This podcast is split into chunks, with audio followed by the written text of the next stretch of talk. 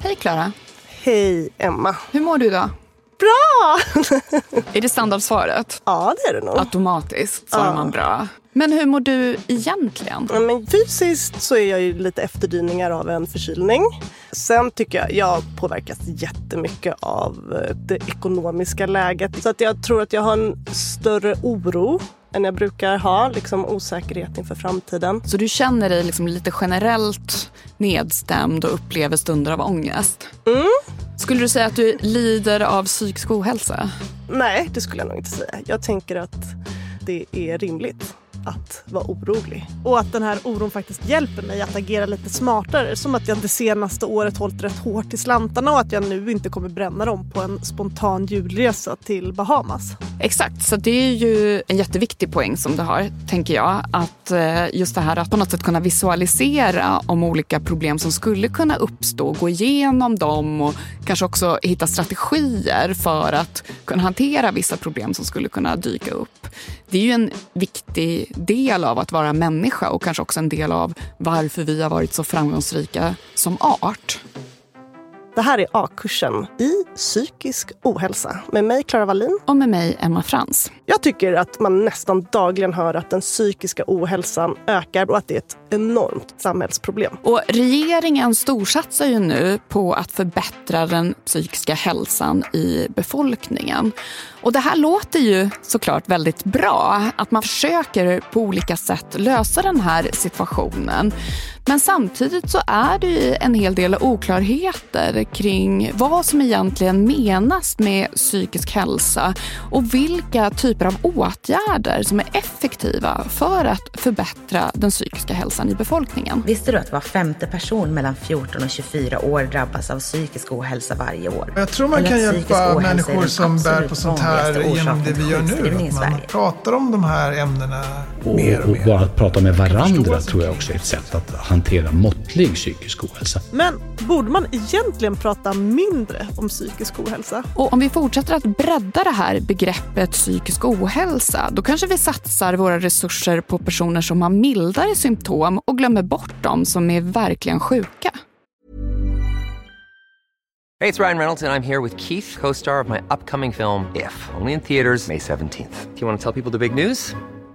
All right, I'll do it. Sign up now and you'll get unlimited for $15 a month in six months of Paramount Plus Essential Plan on us. Mintmobile.com slash switch. Upfront payment of $45 equivalent to $15 per month. Unlimited over 40 gigabytes per month. Face lower speeds. Videos at 480p. Active Mint customers by 531.24 get six months of Paramount Plus Essential Plan. Auto renews after six months. Offer ends May 31st, 2024. Separate Paramount Plus registration required. Terms and conditions apply if rated PG.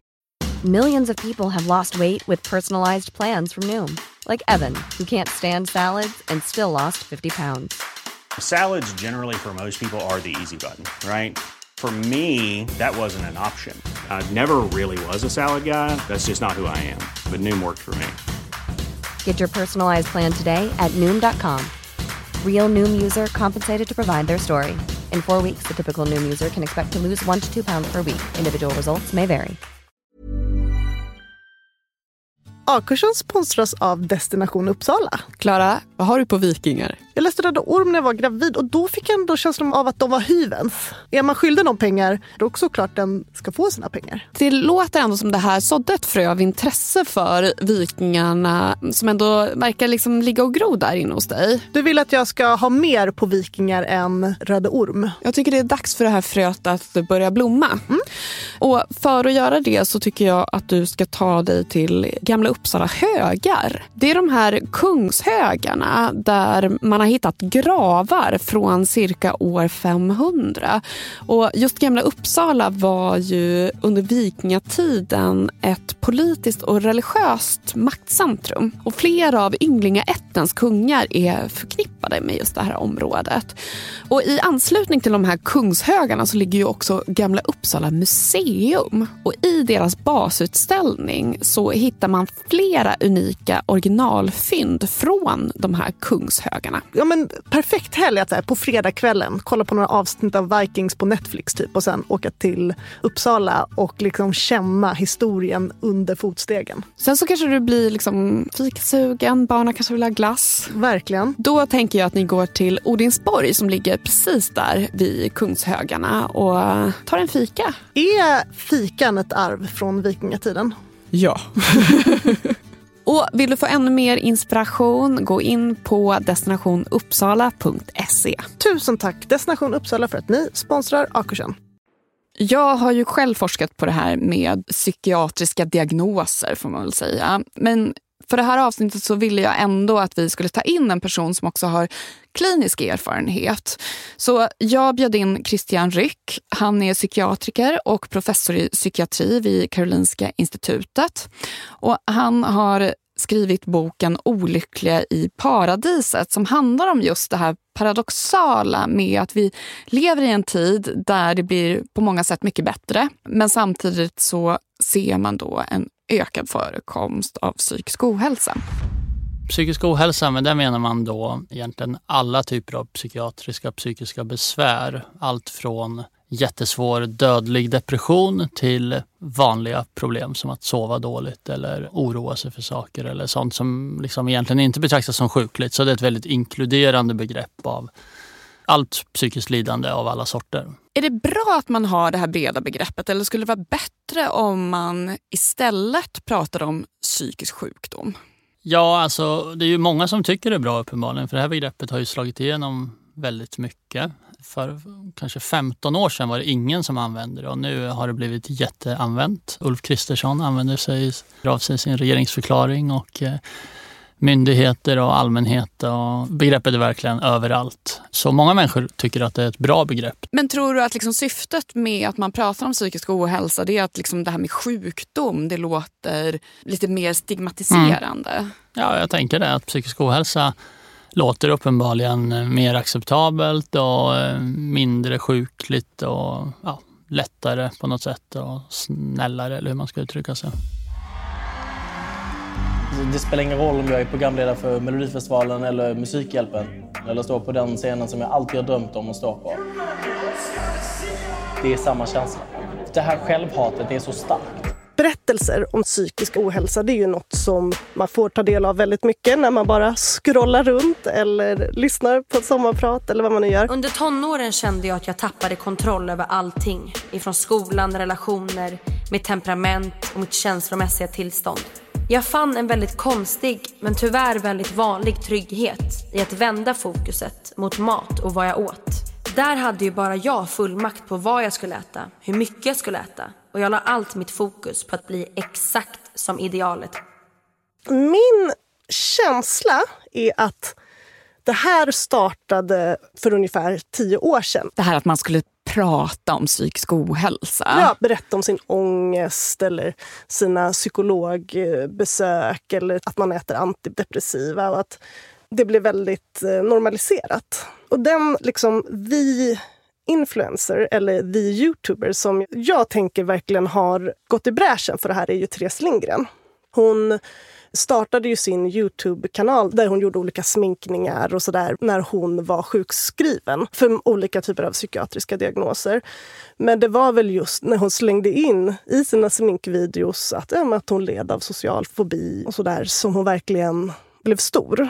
Och 2016 kom hennes bok där hon berättar liksom om den här psykiska ohälsan hon lider av som heter Ibland mår jag inte så bra. Jag lyssnade på den. Therese Lindgren byggde sitt Youtube-imperium under utbrändheten. Från sjukskriven till stjärna i sin egen skönhetsshow. Så lyder rubrikerna på några av de artiklar jag får upp när jag googlar mitt namn. Många, för att inte säga alla, journalister jag varit i kontakt med vill ha den vinkeln på intervjun, reportaget eller tv-inslaget. Att jag är framgångsrik trots ångest, trots panikattacker, trots att jag ibland inte mår så bra. Och jag tyckte den var jättefin. Jag tyckte hon berättade på ett jätteinsiktsfullt och bra sätt. Jag brottas med min psykiska ohälsa och jag är långt ifrån ensam. Och så beskriver hon hur hon får antidepressiva mediciner och hur det liksom gör henne helt stum, att hon inte känner något. Men också att hon går i psykodynamisk terapi för att liksom förstå varför hon mår som hon gör och agerar som hon gör. Och sen hur hon övergår till KBT och hur hon hatar den här psykologen som tvingar ut henne i världen och säger jaha, du är jätterädd för att gå och handla då ska du skriva en inköpslista och sätta på dig skorna och sen gå ett varv runt kvarteret. Och så att hon liksom ska närma sig det här.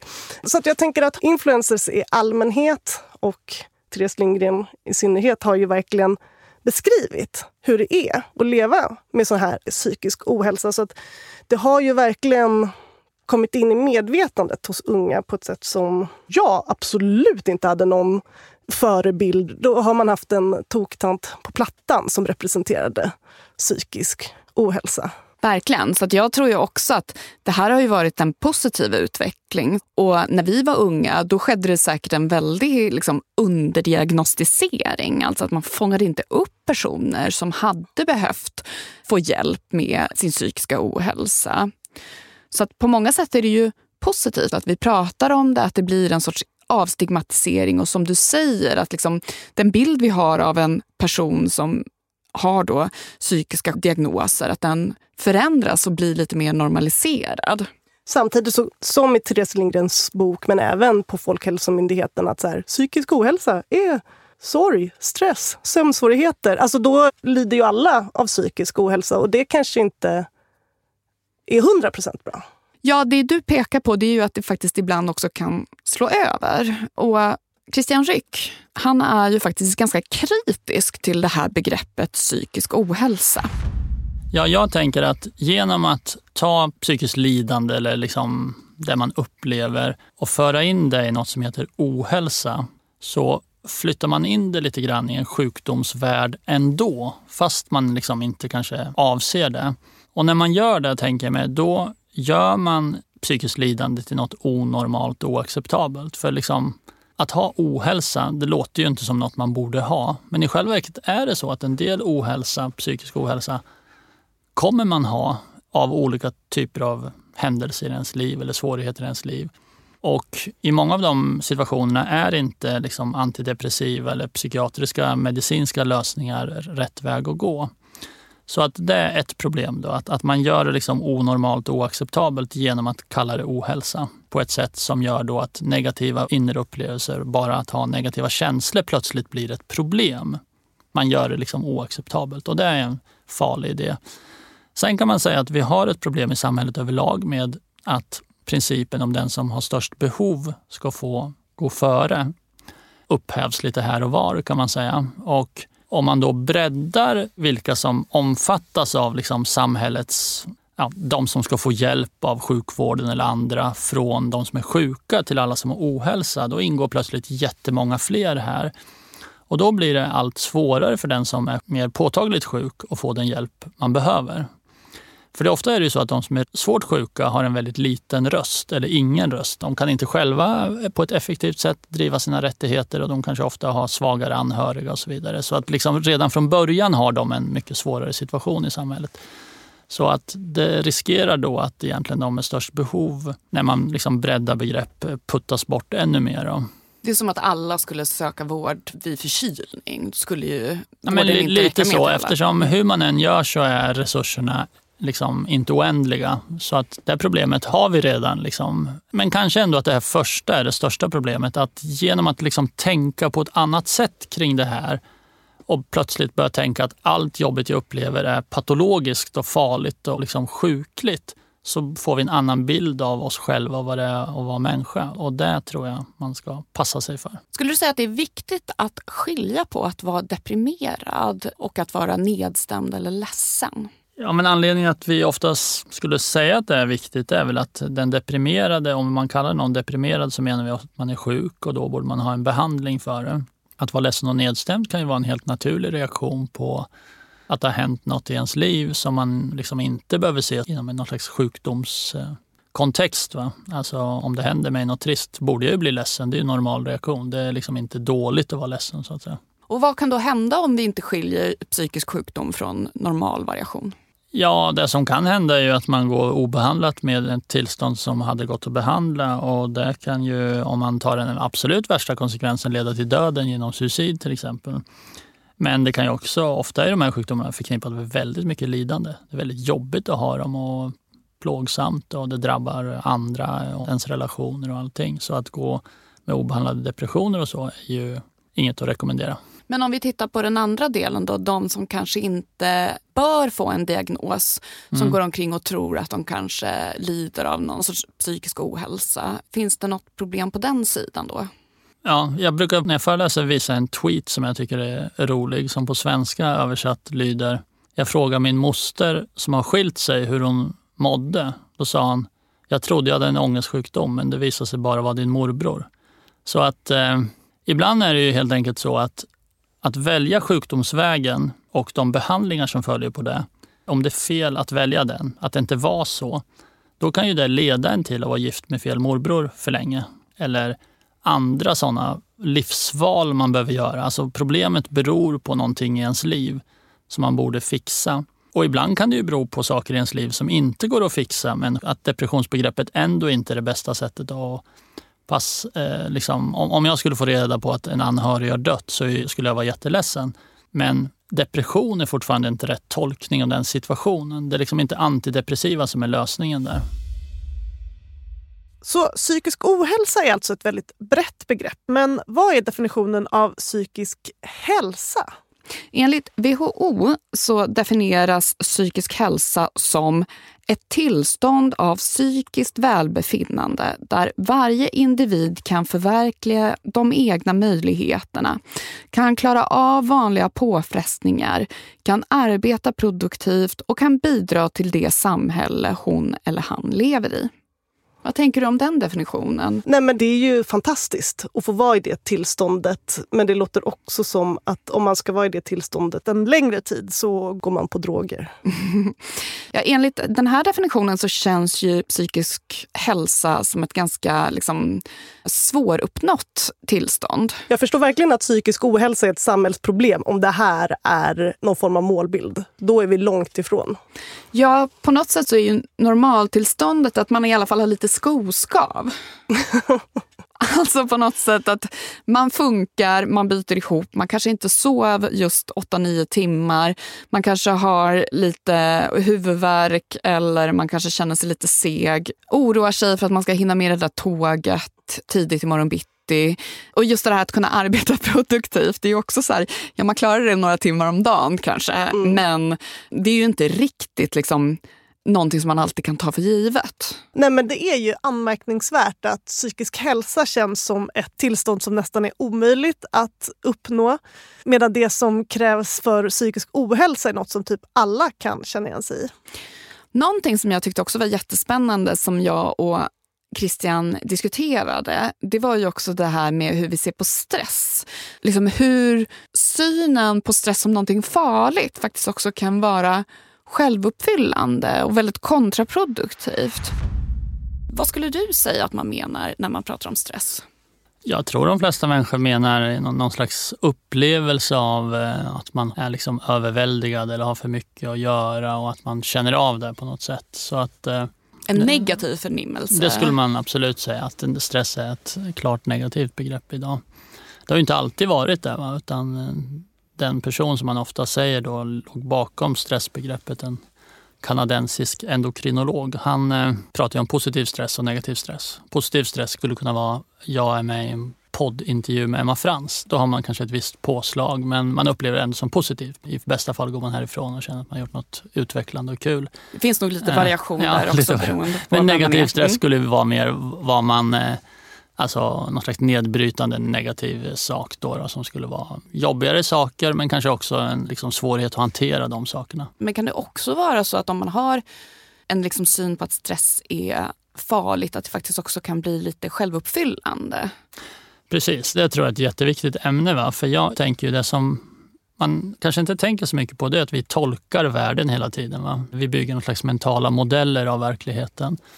Och om vår modell av verkligheten är stress är farligt, om det är en väldigt så här, ligger högt upp i systemet så att säga, om hur vi tänker, så tänker jag mig att vi bygger en bild av världen som en farlig plats på ett sätt som blir hindrande för oss. Och att vi då tolkar saker på ett sätt som kanske inte riktigt är det bästa. Man kan ge ett enkelt exempel. Om jag sitter i en studio och pratar här och få bröstsmärtor, då skulle jag förhoppningsvis avbryta den intervjun. Det är liksom en tolkning av kroppsliga signaler som jag har lärt mig av samhället. så att säga. Det har trummats in i mig tusentals gånger att bröstsmärta är farligt, du måste åka till sjukhus. Då. Om jag skulle få ont i knät kanske jag inte skulle göra så rimligen, för det har jag inte lärt mig att man måste åka till sjukhus akut för. Så de här modellerna vi har är ganska kraftfulla ändå, hur vi lär oss. Och jag tänker att vi i Sverige då har lärt oss en modell om stress som man inte riktigt har lärt sig i andra länder. Och det gör att vi tolkar situationer på ett annat sätt. Det är viktigt att förstå tror jag att den här tolkningen är liksom en kognitiv process. Det är inte som att budskapet är inte att människor i Sverige som är stressade ska skärpa sig eller rycka upp sig, utan bara att om man ser på världen på ett sätt så blir världen en annan värld. Det är det som är grejen. Alltså vi tolkar det helt enkelt. Och där ingår alla de här sjukdomskategorierna också. Det är Ryan Reynolds jag är här med Keith, co-star of my upcoming film If, only in theaters May 17th. Do you want to tell people the big news? All right, I'll do it. Sign up now and you'll get unlimited for $15 a month in six months of Paramount Plus Essential Plan on us. Mintmobile.com slash switch. Upfront payment of $45 equivalent to $15 per month. Unlimited over 40 gigabytes per month. Face lower speeds. Videos at 480p. Active Mint customers by 531.24 get six months of Paramount Plus Essential Plan. Auto renews after six months. Offer ends May 31st, 2024. Separate Paramount Plus registration required. Terms and conditions apply if rated PG. Millions of people have lost weight with personalized plans from Noom. Like Evan, who can't stand salads and still lost 50 pounds. Salads generally for most people are the easy button, right? For me, that wasn't an option. I never really was a salad guy. That's just not who I am. But Noom worked for me. Get your personalized plan today at Noom.com. Real Noom user compensated to provide their story. In four weeks, the typical Noom user can expect to lose one to two pounds per week. Individual results may vary. A-kursen sponsras av Akademikernas a-kassa. Klara, jag tycker att det ser ut som du sitter där och är väldigt trygg. Och har inte jag varit trygg ända sedan du lärde känna mig? Jo, men det har du faktiskt nu när du säger det. Jag går liksom genom livet med någon form av grundtrygghet. Och det kanske är för att jag unnar mig att vara med i a-kassan. Men är inte det väldigt dyrt? Det är som en lunch. 130 kronor i månaden. Oh. Och då få denna trygghetsaura väldigt värt, ja. tycker jag.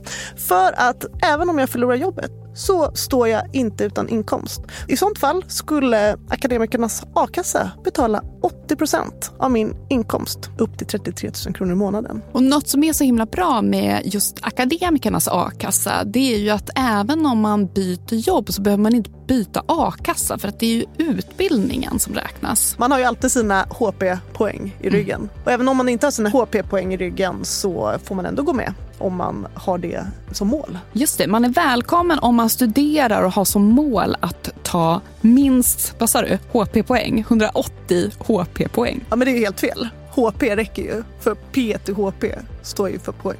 Högskolepoäng. Ja, så högskolepoäng, poäng har vi sagt. Hoppas du blir smartare än oss av dina högskolestudier och gå in på akademikernasakassa.se a-kursen. Och bli medlem idag. Tusen tack Akademikernas a-kassa. Och det här tycker jag jag känner igen också från till exempel det här med sömn att vara liksom alldeles för fokuserad vid att man måste få de här liksom sju till nio timmarna sömn varje natt. Och när man då ligger i sängen och inte riktigt kan somna så kan man bli så himla stressad över att man inte kan sova vilket gör att det blir ännu mer omöjligt att somna in. Och ju mer man tänker på att ja, men om inte jag kan sova idag, då kommer inte jag kunna prestera lika bra. Jag kommer bli grinigare, min psykiska hälsa kommer påverkas negativt. Jag kommer bli mer infektionskänslig och så vidare.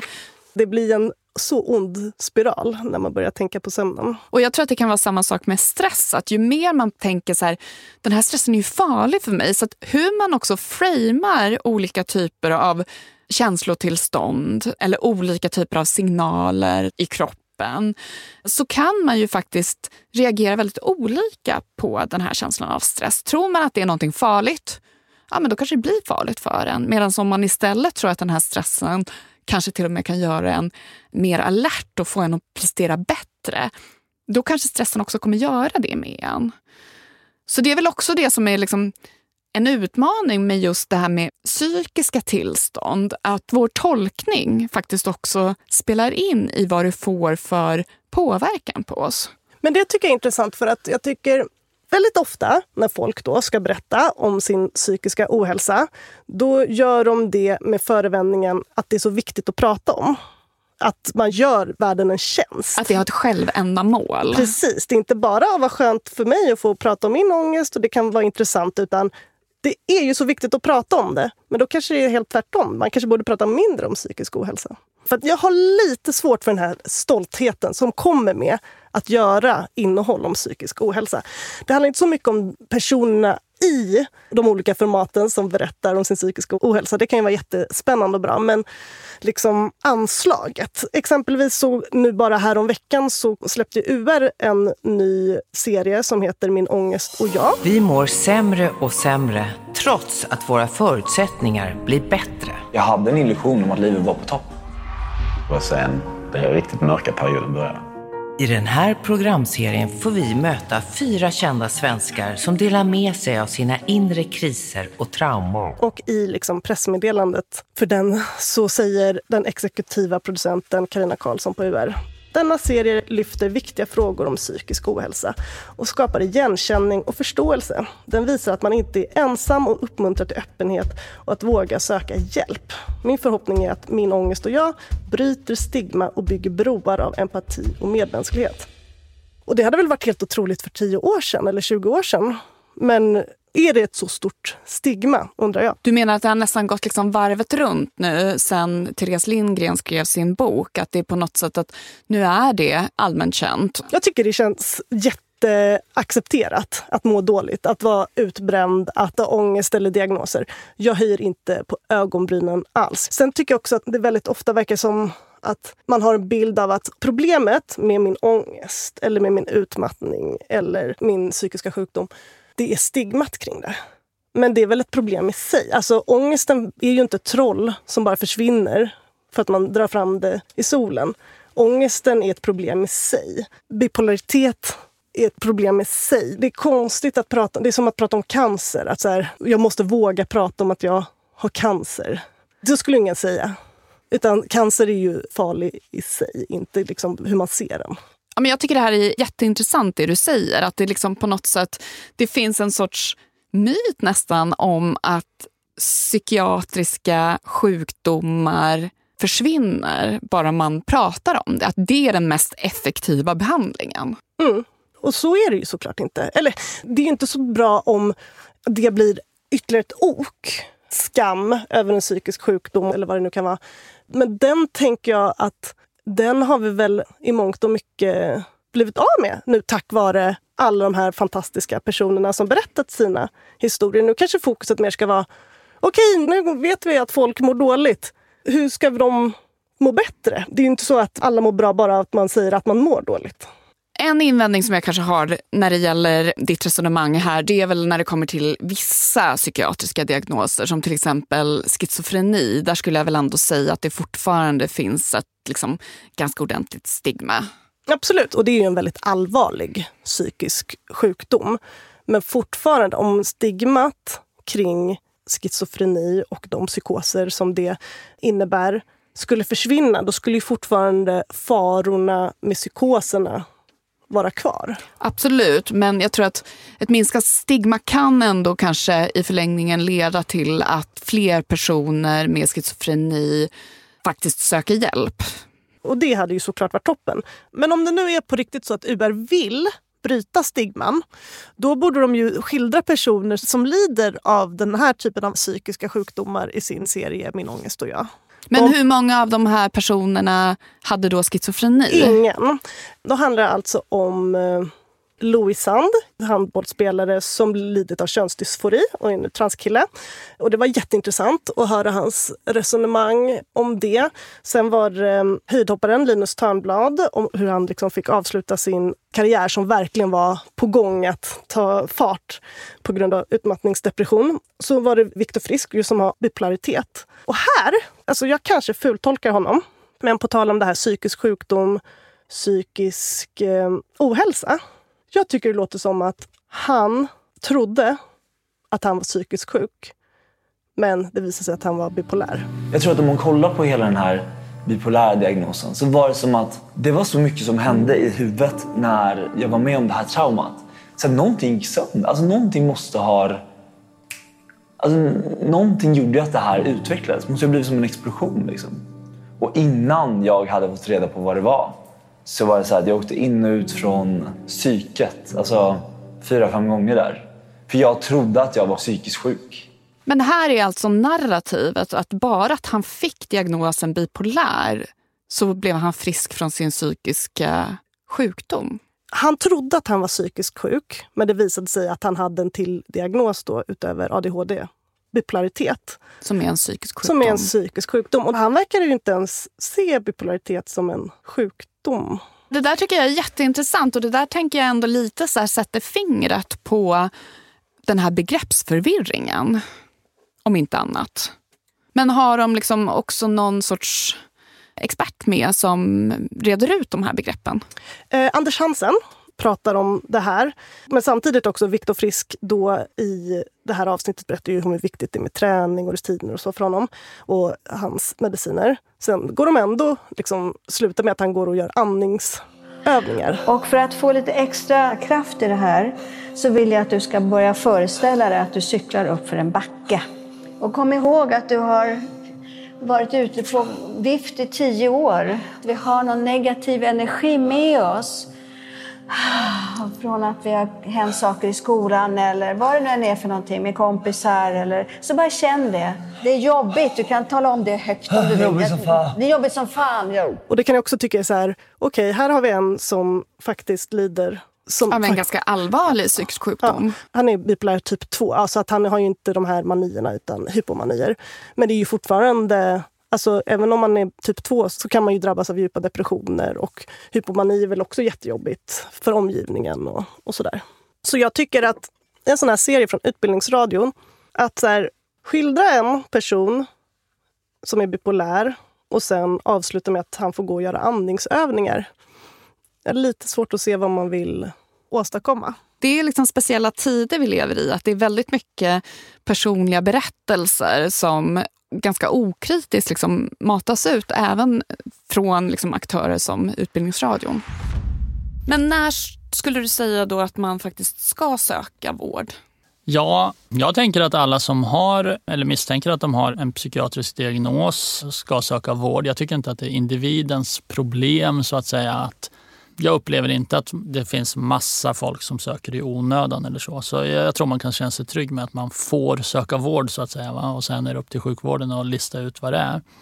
Och typiskt brukar man ju säga att om man har då svåra symptom av typen nedstämdhet eller ångest eller massa andra typer av symptom finns ju också. Och man har en funktionspåverkan. Med funktionspåverkan menar man helt enkelt att man inte funkar som vanligt. Och det kan ju vara allt från att eh, man har liksom koncentrationssvårigheter som vid ADHD eller något liknande till eh, man kommer inte upp ur sängen för man är så deprimerad. Så liksom vad funktion är, det är ju lite olika för olika typer av problem. Men det är ju de två aspekterna egentligen, lidande och funktion. Så om man själv tänker att det är nog så här, skulle jag tänka sök vård då så får de i så fall utreda det och säga att nej, det var inte så. Om det nu är så. Men de flesta som söker vård får ju en diagnos. Det vanligaste är inte att man säger gå hem och lida och genomgå det här själv. Men det finns inget som liksom smärta i knä respektive smärta i bröstet? Jo, men det, det kan man ju säga såklart. Absolut. Så man, man, kan ju tänka sig att vissa symptom är ju såklart mer, eller såklart, men är väl kanske mer anledning att söka vård för. Och det skulle ju inkludera till exempel att ha vissa typer av psykotiska upplevelser, att höra röster, att eh, känna att verkligheten inte riktigt hänger ihop på det sätt man brukar, att saker känns väldigt konstiga och avvikande mot hur man brukar uppleva världen. Det skulle kunna vara att vara manisk. Det är inte alltid man fattar själv att man är manisk för all del, men om man börjar känna sig väldigt uppvarvad och har otroligt mycket energi och tankarna rusar och så. Och sen på det du är inne på med depression så är det såklart så att, eller andra tillstånd, om man har Självmordstankar är ju det någonting vi gärna ser att man söker vård för. Jag tror ju på något sätt att det är viktigt att förstå att när man drabbas av olika typer av motgångar i livet eller när man ställer sig framför människor för att hålla ett tal så kommer liksom kroppen reagera negativt på de här sakerna och att det är en del av att vara människa. Men när det kanske inte finns en sorts rationell anledning, om man bara sitter för sig själv och får en panikattack eller att man börjar liksom se saker som inte finns där på riktigt. Eller att man då känner att ja, men jag kanske inte ens vill fortsätta att leva. Då är det ju extremt viktigt att man verkligen söker vård och att man är uppmärksam. Men där tror jag kanske också att istället för att bara prata om psykisk ohälsa så är det viktigt ändå att kunna skilja de här olika sakerna åt. Att det finns trots allt skillnad mellan liksom naturligt lidande som är en del av att vara människa och att må så dåligt så att man faktiskt inte kan hantera det här på egen hand. Det tycker jag är jätteklokt, Emma. Att vara så här, men finns det ingen funktion med det dåliga måendet, så varför ska man härda ut med det. Medan så att gå igenom en jobbig förändring, bryta upp från något som inte har varit bra för en. Såklart att i det korta perspektivet kan det vara jättesmärtsamt och leda till ännu mer dåligt mående. Men om man, liksom, man ser en poäng med det och att det är som ett led till något bättre, då gör man ju också det i längden för sitt välmående. Skulle du säga att psykisk ohälsa är ett samhällsproblem idag? Eh, ja, det är det ju absolut. Va? För att eh, om vi börjar med att säga, är psykisk sjukdom ett samhällsproblem? Ja, det är ett jättestort samhällsproblem. Hälften av alla sjukskrivningar i Sverige beror på det. Vi har jättestora problem, skulle jag säga, i svenska skolsystemet med barn som mår dåligt, där man har svårt att hantera det. Eller man gör såklart saker, men det finns på många ställen i samhället en stor utmaning med det här. Och jag tänker att många andra problem har man kommit en bit på vägen med. Ta till exempel hjärtinfarkt. För 20 år sedan var hjärtinfarkt dubbelt så farligt eller dödligt som idag. Idag överlever det mycket mer. Det finns mycket mer uppstyrd vård. Man har inte löst problemet hjärtinfarkt, men man har faktiskt kommit en bra bit på vägen. För psykiatriska problem står man ju och stampar rätt så mycket och en del av de problemen beror ju på att vi erbjuder undermålig vård till många av de här grupperna. Det är inte som att de får samma strömlinjeformade behandling som hjärtinfarktspatienter får och alla i Sverige får lika bra vård och så vidare, utan det är rätt mycket ett lotteri vad man får. Så korta svaret är väl stor samhällsutmaning, ja. Jag har ju alltid varit den som är bra på att ha många järn i elden. Den fjärde och sista personen vars psykiska ohälsa vi får bekanta oss med i URs Min ångest och jag är Marianne Mörk. Och i det avsnittet är temat ensamhet. Det låter så drastiskt men jag släpper inte in någon. Allting har alltid varit öppet förut och det var det var mycket liksom musik och det har varit med sprit och det var liksom bara korsdrag. Och, Åh, tänk jag stänger dörren. Och då beskriver hon hur hon levde i en relation med en alkoholist och hur jobbigt det var. Så för 20 år sedan så valde hon att lämna den och skaffa sitt eget hus. Och nu lever hon ensam och hon jobbar på teatern och har mycket att göra. Det vet man ju. Hon är ju superaktuell alltid, Marianne Mörk. Det är fantastiskt tycker jag att vara 70 plus och verkar vara på toppen av sin karriär. Och så kommer hon hem och är ensam. Och det tycker hon är helt fantastiskt. Och jag tycker det är fantastiskt. Jag vill inte ta hand om någon. Jag har gått undan för gott. Och då känns det som att den här produktionen försöker verkligen göra allt för att få Marianne att se det här som ett problem. Medan hon, hon beskriver ju själv hur hon mår jättebra. Sen går hon till en psykolog och där Tvingar de henne till psykologen? Hon tyckte nog att det var ett intressant samtal. Att såg hon sig själv utifrån så tyckte hon synd om sig själv. Men hon beskriver ju själv hur bra hon mår. Tänk att ha sitt eget hus och kunna stänga om sig. Och hon... Alltså jag blir helt provocerad av det här, Klara. För det är också så här, det finns ingen forskning som visar att det är farligt med att vara ensam om det inte handlar om ofrivillig ensamhet. Självvald ensamhet. Det är helt vansinnigt att måla upp det som ett problem. Nej, men det är så konstigt. Och sen för, är så här, ja, men hon blev berörd då när hon är hos den här psykologen. Och så här, ser jag mig själv utifrån så är hon verkligen så lycklig och gråter. Och det var mer att öppna tankar De sig själv. Skapar psykisk ohälsa men hos henne. Ja, verkligen. Och sen i slutet så bara, nej men jag tycker ingen ska behöva vara ensam. Inte ens de som vill. men jag har teatern och så, så att jag har inget problem. Men då, är liksom, då ska jag liksom följa kända personer och deras psykiska ohälsa. Och så har jag sett en halvtimme med Marianne Mörk som mår jättebra. Men enligt UR så borde hon inte må bra. Var inte så jävla nöjd med Var livet, inte så jävla Marianne nöjd. Mörk. Du lider av psykisk ohälsa oavsett om du känner av det själv eller inte. Jag tycker ju allting har varit bra och sådär och så visar det sig att det kanske inte alltid är. Och så blir jag glad av den nyheten. För då är jag ju mänsklig någonstans och kan inte bara vara glad hela livet.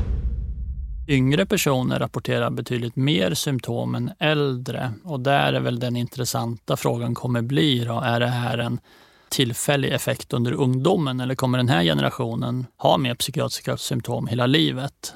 Menar du att man inte har sett det tidigare? För att annars har jag hört att när det till exempel kommer till så här lyckokurvor Mm. så kan man se att man är liksom som lyckligast i barndomen, Mm. sen går det ner Mm. tills medelåldern och då kanske Ja. man accepterar den grymma verkligheten och så blir man lite lyckligare igen eller något sånt.